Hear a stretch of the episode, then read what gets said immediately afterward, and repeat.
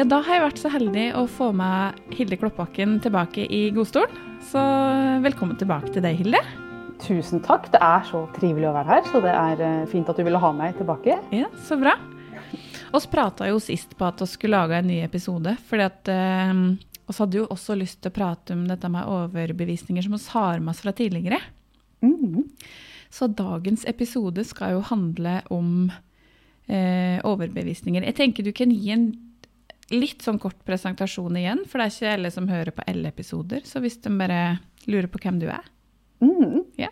Det skal jeg gjøre. Mitt navn det er Hilde Kloppbakken. Jeg, har, jeg driver et, et uh, firma, en business som jeg liker å kalle det, som heter One Amazing Business. Uh, og det handler om, uh, Der hjelper jeg businessdamer, gründere, å bygge bedrifter som de elsker å være i og tjene godt på og hele den pakka der.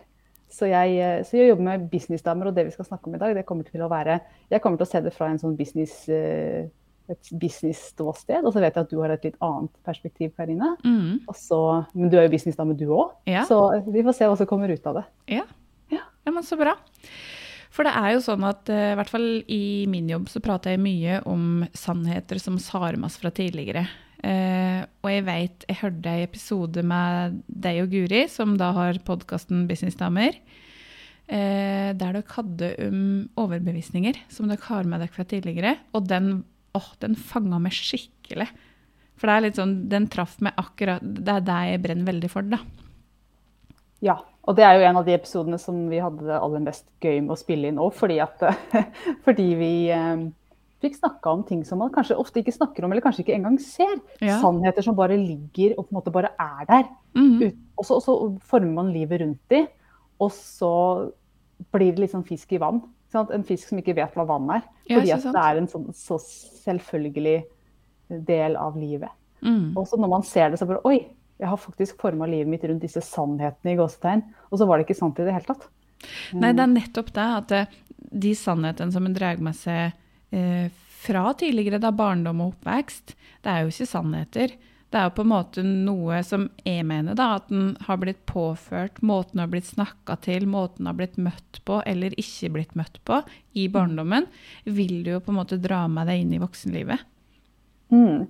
Og um, absolutt, og jeg er helt enig med deg, og det var det vi snakka om i den podkastepisoden. Men som jeg sa til deg eh, rett før vi gikk på live nå, Karina, så har jeg eh, sett liksom, Det er to teorier her. og jeg, Den første teorien det er jo Freud sin teori. ikke sant? Som, som, og Nå skal jeg gjengi det veldig enkelt, og de som kan mye om dette, hører at jeg ikke kan mye, men jeg prøver. ikke sant? Freud han sa jo det at eh, nettopp det at måten vi ble behandla på, møtt på, som du sier, som vi var små, det skapte sannheter i oss. Sannheten om at jeg er slik og sånn. Mm. Eh, og den drar vi med oss inn i voksenlivet. Nettopp fordi at vi som barn eh, det, vi, det de voksne sa, var vår sannhet. Vår eneste kilde til sannhet. I Mm. gåsetegn, store gåsetegn. Vi visste ikke da at det ikke var sant. Vi visste, at det, visste ikke at det bare var en, noe mamma sa i forbifarten. Hun var irritert. Vi klarte ikke å, å, å, å skille mellom sannhet og, og oppspinn. Men så ble det vår sannhet, og så tok vi med den inn i, i voksenlivet. Det er den freudianske teorien, forklart på min måte. Og så er det mye mer ved Freud, men, men det er det. Ikke sant? Og det er det som kognitiv terapi og mange terapiformer bygger på nå. Ikke sant? Gå Mm. tilbake i barndommen og se hva som foregikk der. Men så har jeg i det siste lest om en annen eh, stor tenker fra Østerrike, tidlig 1900-tall, som heter Alfred Adler. Han er mange som har hørt om. Jeg hadde hørt navnet hans, men jeg kjente ikke til teoriene. Men en, av, en del av teoriene hans handler om nettopp det samme. Han sier det at eh, han har en litt annen tilnærming til den mindreverdighetsfølelsen som man får som barn. Og han sa det at Og jeg vet ikke hva som er sant her, altså jeg bare liker å, å sjonglere litt med teoriene. Men han sa det at den mindreverdighetsfølelsen vokser fram i de aller fleste mennesker, akkurat som Uh, altså De vokser fram rundt seksårsalderen. Akkurat som seksårsjekslene kommer, så kommer også følelsen av mindreverdighet. Og, det er nesten noe vi ikke kan unngå. De som ikke får den, de får jo sånne diagnoser og, og stempler som uh, sosiopat, uh, psykopat, narsissist. Ja. Uh, så, så vi skal være glad for at det, faktisk vokser fram i oss, fordi det er det som Ja, det er visst sunt, da. Ja. På, til, til en viss grad. Og, og han mener jo at når vi da får signaler fra mamma og pappa og bestemor og de voksne rundt oss og andre barn, så, så, så tar vi det som et bevis på at å, jeg, jeg, begynte å få en følelse at jeg var litt mindreverdig, og nå skjønner jeg hvorfor. Ja. Så nå skjønner jeg, Fordi jeg ser sånn ut, fordi jeg gjør sånn, fordi jeg snakker for høyt eller for lavt, fordi jeg har rødt hår, fordi jeg er tyngre eller tynnere enn de andre barna. Eh, ikke sant? Mm. Så det er to, to, teorier på det, og begge to peker på det at vi, vi ble fucka grundig opp da vi var små. Ja. og det er jo altså Det høres jo Um, altså det er mange ulike teorier. Jeg vil tro det er enda flere teorier på dette. Helt sikkert. Uh, men det er jo uh, Det jeg går ut ifra, er jo at uh, selvfølelsen, da, på en måte Der uh, altså din, din uh, overordna verdi som menneske blir Grunnlaget blir lagt fram til du er seks år. Fra Mm. null til seks så er på en måte det grunnlaget lagt da av dine omsorgspersoner, da. Eh, så jeg tenker da, og, og det er jo rundt seksårsalder, så at hen eh, Adler, hva den heter, Mm. ja, at hen på en måte tenker at dette er, eh, begynner å vokse fram ved seksårsalder, er jo kanskje også at grunnlaget har blitt lagt altså fram til du er seks år, da, eller seks-sju år, så er på en måte selvfølelsen, grunnlaget er lagt. Mm. Eh, og hvis du da har blitt møtt på en dårlig måte, så har du jo ikke god tro på deg sjøl eller en god selvfølelse. Nei. Og så fortsetter jo Du blir jo møtt, du har jo samme omsorgspersonen, så du fortsetter jo å bli møtt på samme måten. Mm. Og da vil det jo Ja, veldig ofte så er det jo flinke piker og flinke gutter og folk som ikke tør å si meningen sin og Ja. ikke tør å si nei og sånn, som vokser opp, da.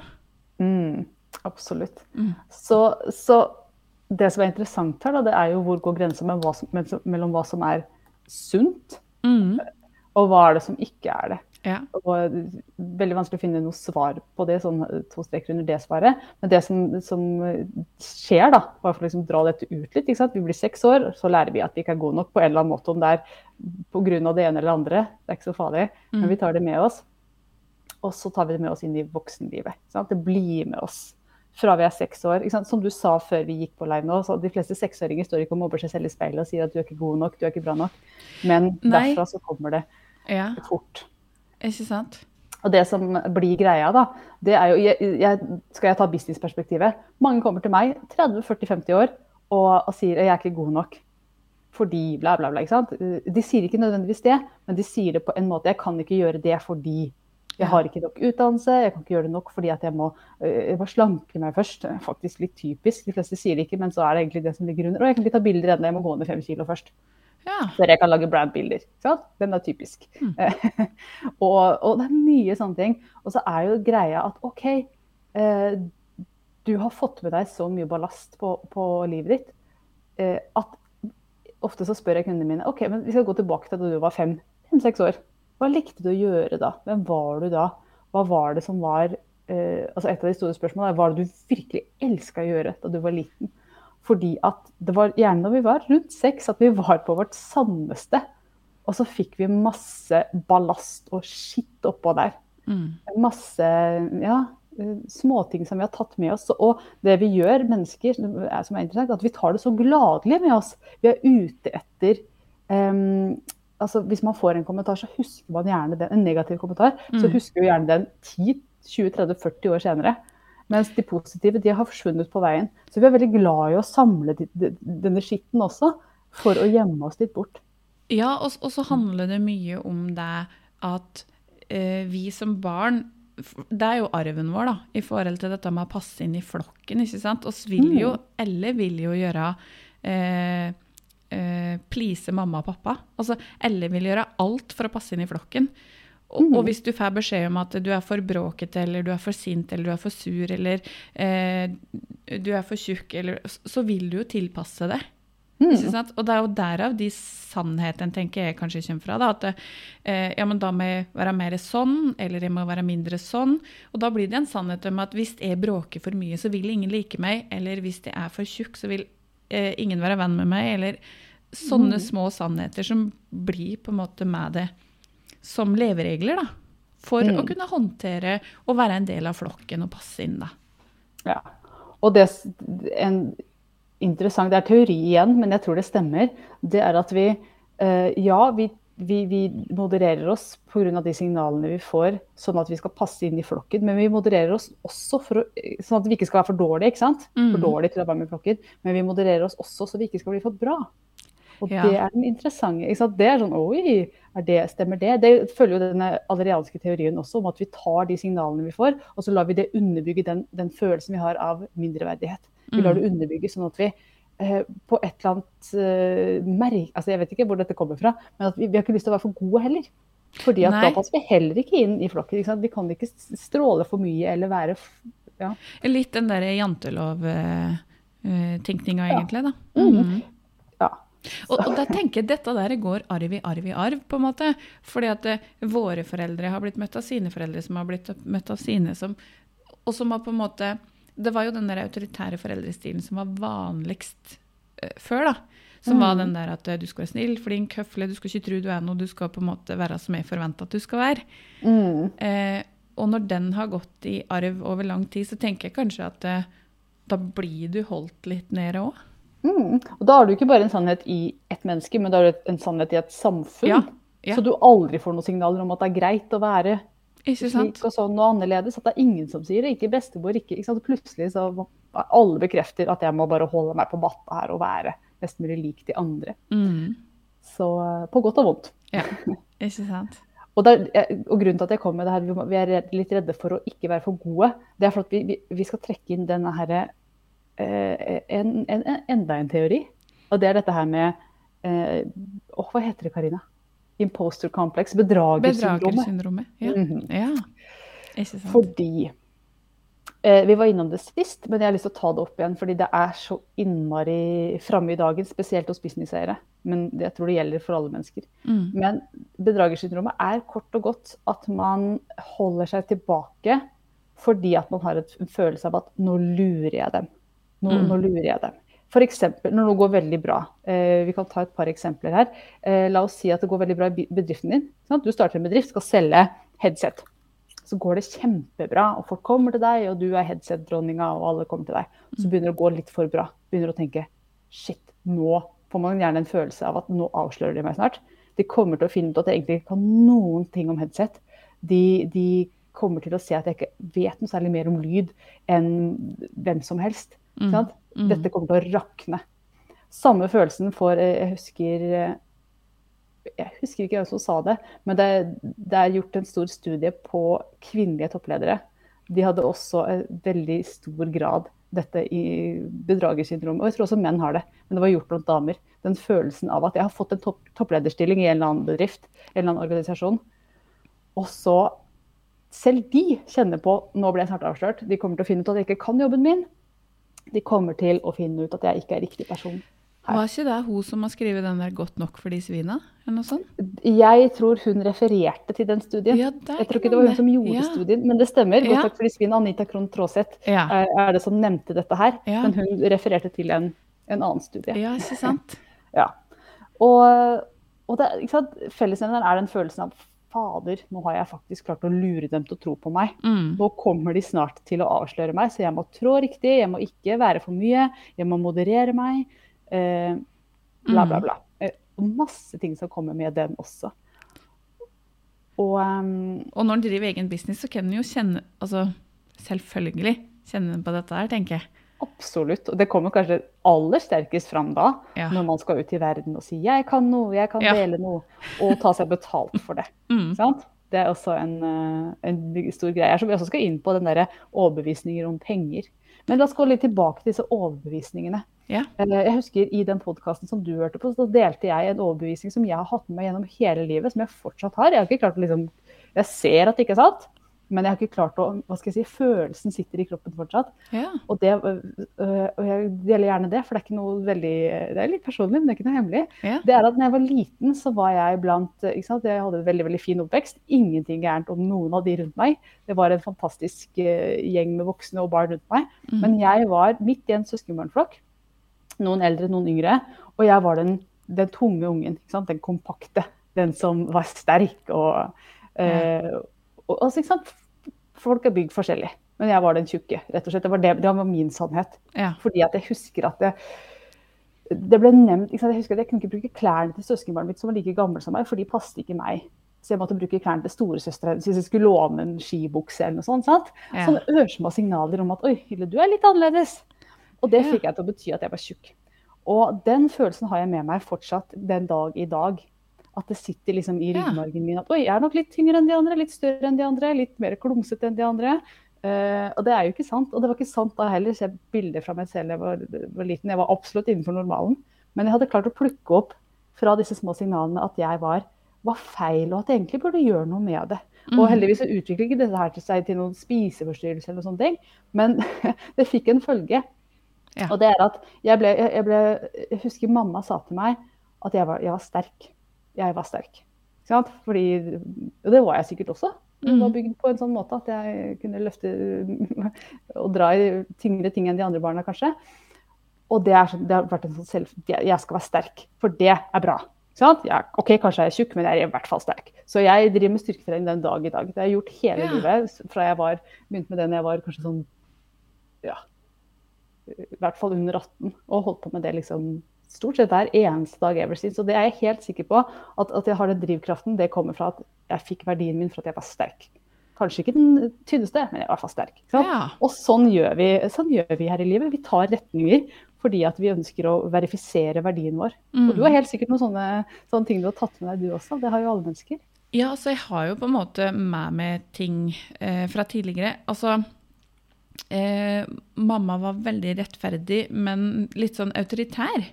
Eh, og det har jo jeg dratt med meg videre og påført på hvert fall den eldste jenta mi. Eh, så, så dette der med at du skal ha respekt for de voksne, det skal være sånn, det skal være sånn. Eh, men aldri fått følelsen av at det var feil noen gang. Nei.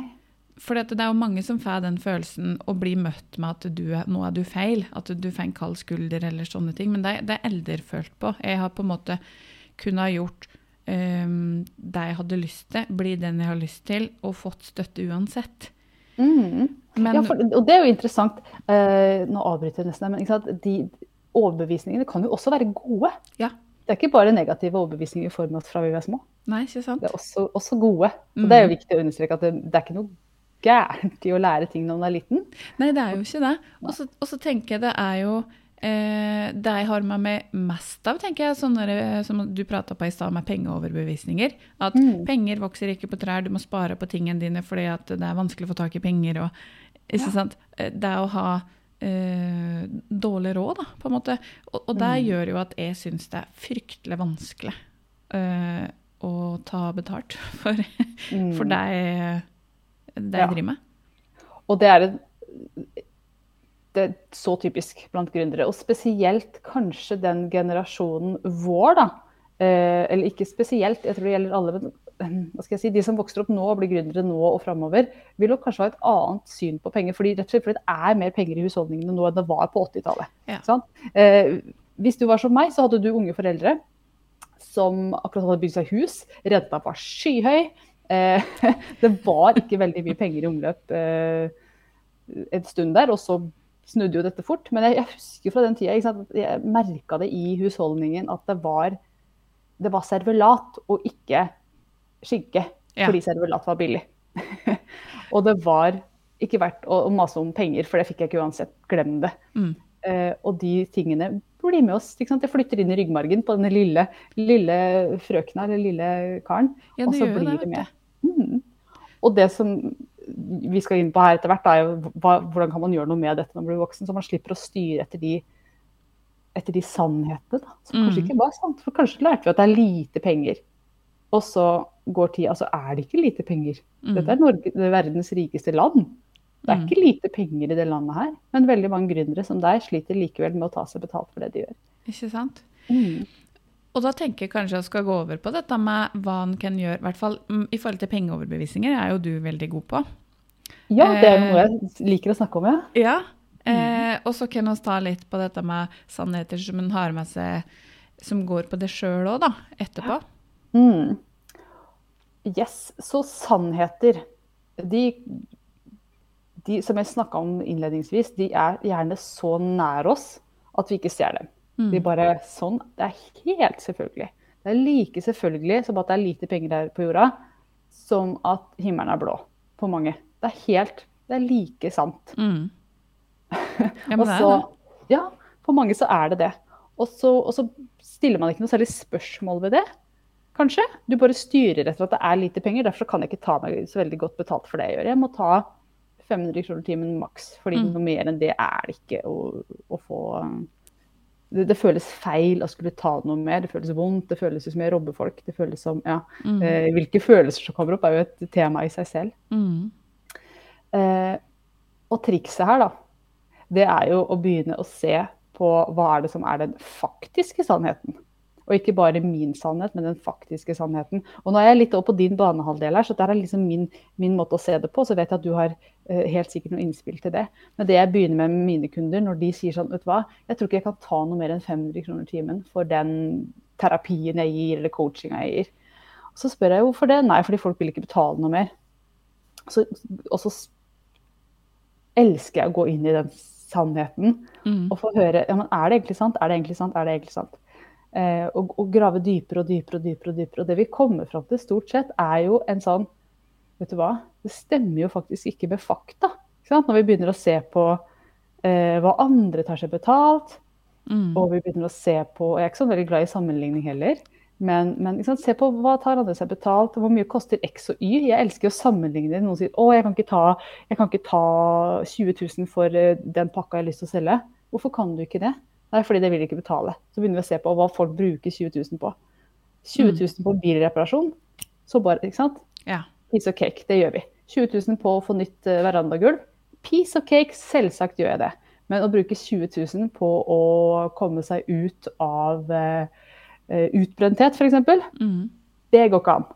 Er det, som, det, er en sånn overbevisning. Nei, der vil de ikke bruke penger. Verandagulv, selvfølgelig, men ikke på seg selv og de, på den terapien som jeg skal gi. Mm. Og det kommer veldig ofte eh, av eh, Jeg stiller ofte spørsmålet Hvis noen andre hadde dette produktet her, en annen terapeut solgte akkurat samme produkt, kunne hun tatt 20 000? Og da er svaret ja, lett. Ikke noe problem. OK, så sannheten er at det kommer via deg. At det er du som skal levere. Er det det som er din sannhet? At du demper verdien fordi det kommer via deg? At, Mm. du på en eller annen måte ødelegger verdien av det du skal levere? Og veldig mange sier ja, det er der det kommer, fordi jeg er ikke god nok. Eh, og jeg, hvis jeg skal selge dette her, så må jeg bedra kundene for å få dem til å betale. Ja. Eh, så det er en sånn veldig interessant dynamikk som foregår. Ja, og så er det jo, når du sier dette med verdi, så høres det jo ut som at det er litt sånn eh, overbevisninger fra barndom, sannheter. Kanskje tenker at den ikke er bra nok, og da, du jo, da er jo verdien din lavere. Den er jo ikke der, sant? Den er veldig lav. Mm. Og da kan du jo ikke nå noe høyere enn dette. Nei, så da kan da du ikke ta noen noe høyere priser. Nei, Fordi at du er jo ikke verdt det. Nei. Da må du lure folk for å Ja. få dem til å betale mer. Det er det som blir logikken i det, Mhm. som ikke er logisk i det hele tatt. Men det Nei. er det som, vår, som skjer inni hodet. Det som er kjempelurt, er å begynne å virkelig sette, eh, sette lys på det. Mm. Liksom, faktisk skrive ned hva er det jeg tenker, er det egentlig sant? Eh, hva ville noen andre sagt om dette? Virkelig se det på, fra mange vinkler. For etter Mm. hvert, jo mer vi begynner å se på det, jo mer, etter hvert så vil det begynne å løse seg opp og forsvinne. Og det tar tid. Det er ikke sånn som skjer over natta. Det er ikke sånn at jeg kan gi en, en coaching session og så å, nå er jeg ferdig med den blokkeringa. De tar tid Mm. å vaske ut av systemet. Mm. Eh, litt etter litt etter litt så forsvinner de. Og, så, så det, og, man merker ikke at de forsvinner, men plutselig en dag så sier man oi, herregud, jeg tok meg altså, Nå tar jeg meg betalt på en sånn nivå som var helt utenkelig for noen år siden. Jeg vet Mm. ikke når det skjedde. Det har skjedd gradvis over tid under overflaten. Men nå tar jeg priser som, som jeg bare trodde at ikke var mulig for meg. Mulig for andre, ja, men ikke for meg. Mm. Så, så trikset her sant, er tilbake til det vi snakket om sist, bevissthet. Hva er det som er overbevisningen som ligger her? Ja. Ja. Og det er jo på akkurat samme måten jeg jobber på. Ikke sant? Mm. Med, eh, eh, du, de kommer mot meg med noen sannheter, da, eller noen leveregler. Og så jobber vi med å um, koble på den fornuftige, vennlige, pragmatiske. Hva kan de si? Hva ville andre sagt? Hva ville du sagt til andre? Eh, og jobbe med den sannheten, for så å gå inn og endre og finne ut at å ja, det er faktisk eh, helt grei. Altså, jeg er bra nok. Det går Mm. fint. At de, eh, så det blir jo litt samme måten å, å jobbe på. Mm, det er det absolutt. Og det som også skiller eh, litt måten jeg og du jobber på, vet jeg, det er jo at jeg som coach ikke så ofte egentlig ønsker å se så mye tilbake. ikke sant? Jeg er veldig ivrig på å la oss se framover. Mm. Eh, så de kommer gjerne til meg når de er ferdig med de store traumene. ikke sant? De er, de er løst opp i hos, uh, hos en kognitiv terapeut eller andre. Ja. Det er ikke alle som har de store traumene heller, men hvis de har det, så er det til sånne som deg de går. Så Mm. kommer de til meg og sier nå skal vi se framover. Og da er jeg veldig. Liksom, for en av Adler sine ting, han sa jo også det. Jeg husker ikke hva den teorien heter, den har et navn. Men han sa det altså, at det er ikke sånn supernyttig når du er ferdig med de store traumene, å se tilbake. Fordi at da virvler du bare opp igjen det som var. Når du har kommet til et punkt, så skal du se framover. Ignorer det der småtingene i, i, i, eh, barndommen. Nå skal vi se framover. Uh, Freud var jo hele veien se tilbake, se tilbake, se tilbake. Løse opp, løse opp, løse opp i det Ja. som var. Mm. Og, og der er, jeg er nok ikke enig med Freud der, for det handler jo om på en måte å plukke ut av den emosjonelle ryggsekken din og legge ting tilbake der det hører hjemme, og, og så gå videre, på en måte. Mm. Jeg er veldig opptatt av å, å på en måte finne ut av hvordan ble du møtt som barn, og hvordan ble du snakka til. Mm. Fordi det, det er den bevisstgjøringa, ikke sant? Men i etterkant så handler det om å jobbe veldig her og nå. Hvordan, altså, hvordan bærer du sannhetene dine her og nå? Hvordan bærer du dem i relasjon med mannen din, med ungene dine, med venner? ikke sant? Eh, så jeg er nok ikke enig med Freud i dette med å liksom bare se tilbake hele tida. For det handler om å se tilbake for å få en bevisstgjøring, og så jobbe her og nå, da. Mm. Og framover. Ja. Men ikke for mye framover, for da blir det bekymring. Ja, ja, det er også en ting. ja. Så her og nå er løsningen. Og det var også Adler veldig opptatt av. Den her og nå-tankegangen. alt vi har er nå. Mhm. uh, alltid. ja. Og han hadde også en teori som Jeg skal ikke gå så mye inn på det, men han, han sa det at veldig mange av livet, nei, men- mennesker vi ser livet som lineært. Mm. Mens han var veldig opptatt av at livet er øyeblikk. ja. Uh, og at du egentlig ikke, ikke tenker så lineært, fordi at da påvirker det som har vært, det som kommer. Han mente at et- ethvert øyeblikk er splitter nytt. Mm. Og han mente jo også at vi skulle kom, eh, Jeg kan ikke si dette ordet på norsk. Compartment jeg kan ikke si det på engelsk heller. at vi skulle kom, um, isolere. ja.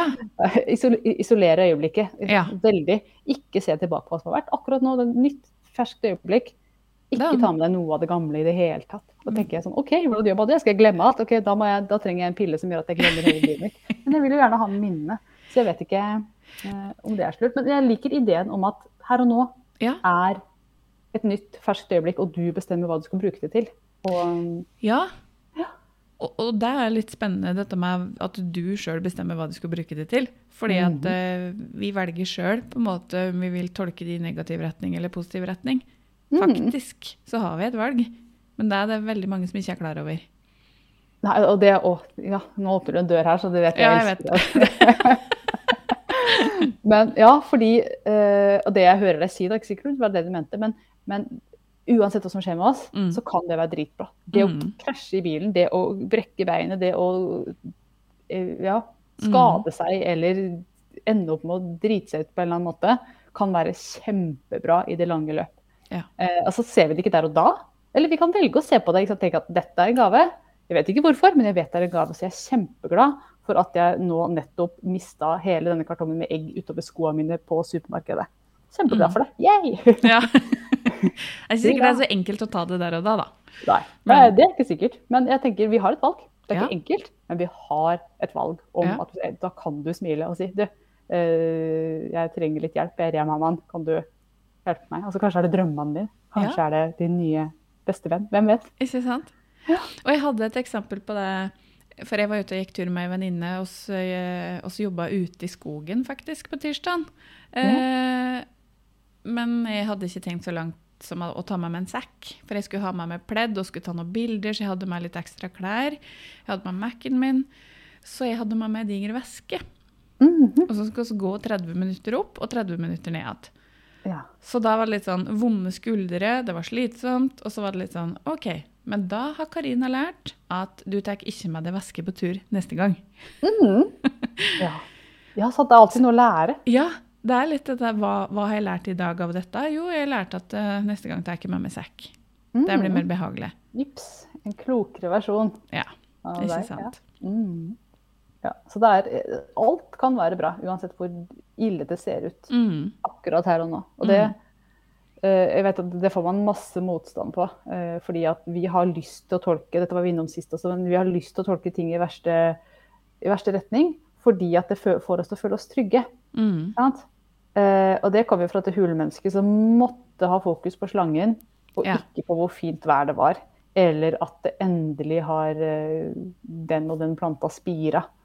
Kunne ikke ha fokus på, måtte ha fokus på slangen for å overleve. Jeg tror vi har tatt med oss det i veldig, veldig stor grad. Så passer vi på å liksom samle de negative, for da er man trygg. Jeg har oversikt over det negative. Ingen kan komme bardus på meg. Mm. Det er jo veldig logisk, egentlig.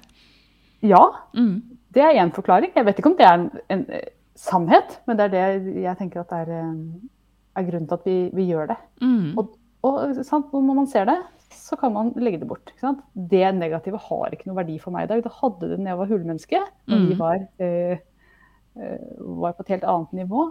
Nå i dag så har det ingen annen verdi enn å dempe oss og holde oss tilbake. Mm.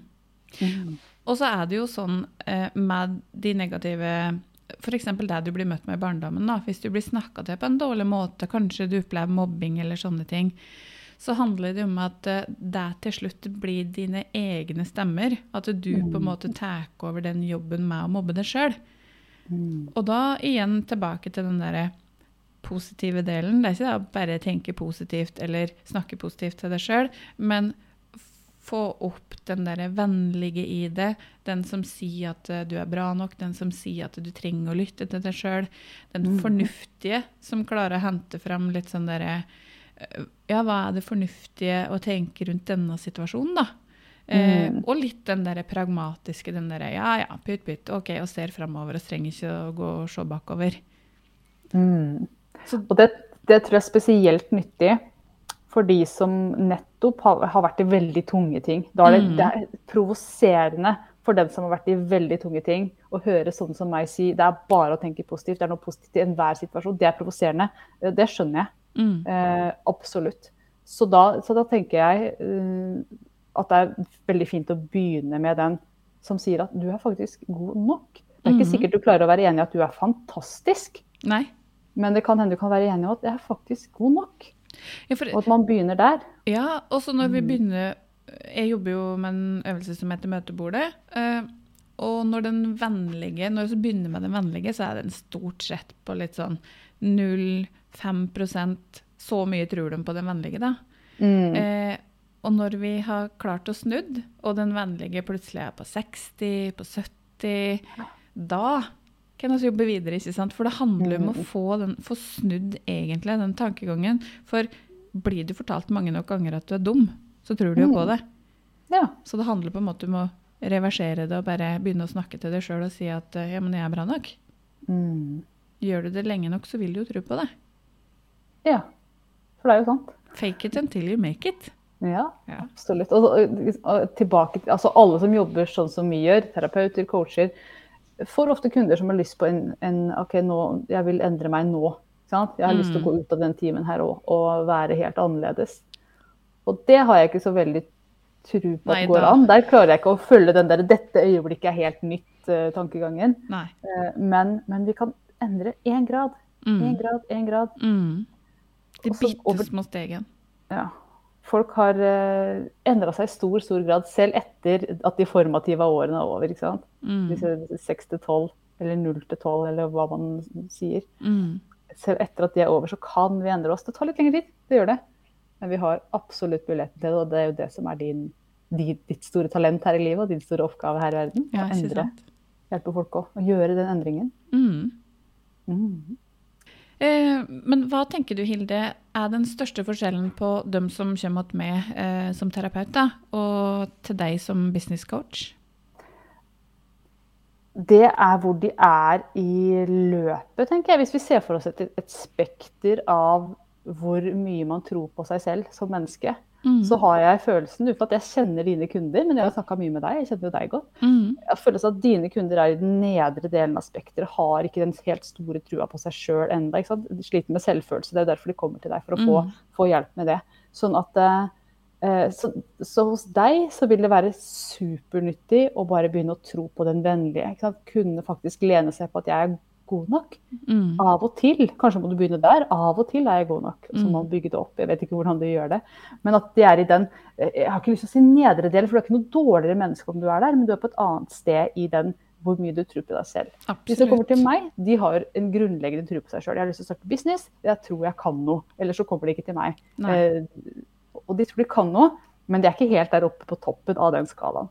Så det jeg jobber med, det handler mye mer om at å faktisk gå liksom, i det ekstreme.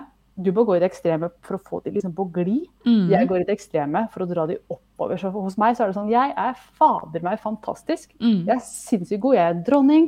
Eh, Vi jobber en helt annet spekter. Og det ville bare provosert, irritert, ikke landa i det hele tatt hos dine kunder. Og motsatt. Hvis jeg hadde begynt med mine kunder og sagt at jeg er faktisk god nok av og til, så hadde jo det vært Det Ja, ja. hadde landa helt feil. Ja, det hadde det jo. Mm. Helt klart. Så jeg tenker at mennesket er eh, Vi plasserer oss på et spektrum av hvor mye tror jeg på meg selv og hva jeg kan få til her i livet. Mm. Så trenger vi hjelp på alle steder av, den, eh, av det spekteret. Absolutt. Og at det er det som er den store forskjellen. Mm. Og, det, og som sånn liksom konkluderende her, da. For å, jeg elsker å konkludere. Du Ja, jeg må liksom avslutte litt. Ja. Um, og det er jo Jeg tenker jo at heldigvis så kan vi alltid bevege oss på den skalaen. Mm. Alltid, alltid, alltid. Om man begynner nederst, så kan man komme seg helt opp hvis man er villig til å jobbe nok. Det kan ta lang tid, Mm. men, men det er et arbeid som absolutt er verdt det. Det er interessant, morsomt arbeid som gir en helt vanvittig avkastning. Ja. Det er en livsreise, på en måte. Mm. Du har det med det, og absolutt. det er Ja, absolutt. Ja. Så Men så bra. Eh, jeg syns jo det er så hyggelig å prate med deg, Hilde. Eh, Takk i like måte. Så um, tusen takk for at du ville bli med på atter en podkast. Det har vært så koselig her i godstolen. Ja, så så bra. Ja. Så da tenker jeg at jeg bare ønsker deg en fin dag videre. Har, skal du ut i sola i dag, eller er det Du, det eh, bør jeg. Jeg har ikke konkrete planer, men det er nydelig vårvær Ja. over Østlandet. Og vi sitter jo veldig tett ved hverandre, faktisk, i den store sammenhengen. Så Ja. jeg skal nok ut i sola i dag. Jeg skal det. Ingen eh, jo, Kanskje vi skal gå en tur? ja. Jeg har vært Mhm. ute og gått en tur tidlig i dag, faktisk. Har du det? Mm. Tenkte du 100 ting du var takknemlig for da? Eh, nei, for jeg gikk sammen med ei venninne. Så da Ja, men da hadde du én stor ting å være takknemlig for, da. Ja, og bikkja mi og ja. Å, ja. Ja. Mm. Så da, Count your blessing. Så dette er en referanse til forrige podkast, hvis du ikke hørte den. Så ja, vi da må du høre den først. Så hør den nå. Mm. Yes. Nei, men eh, takk for i dag, Hilde. Vi snakkes Tusen takk igjen. for praten. Det gjør vi. Ha det. Ha det!